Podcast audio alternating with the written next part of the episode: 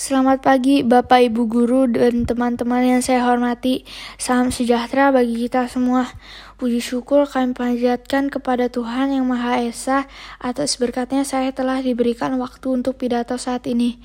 Guru-guru dan teman-teman, hari ini saya akan menjelaskan tentang energi kinetik.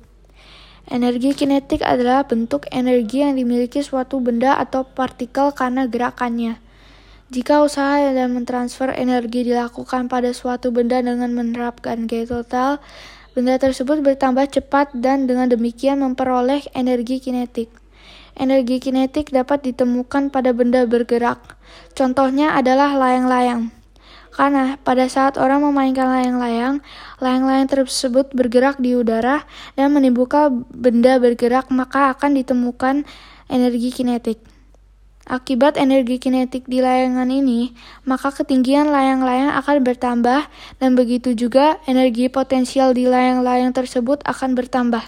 Salah satu contoh lain dari kinetik energi adalah pada bola yang menggelinding. Ketika kita menonton pertandingan sepak bola, tentunya akan melihat bola yang bergelinding karena ditendang para pemainnya. Pergerakan bola tersebut memerlukan energi kinetik, sehingga dapat berpindah dari satu titik ke titik lain. Bapak Ibu yang saya hormati, semoga pidato saya bisa menjadi manfaat yang baik. Mohon maaf jika saya ada kekurangan dalam pidato saat ini.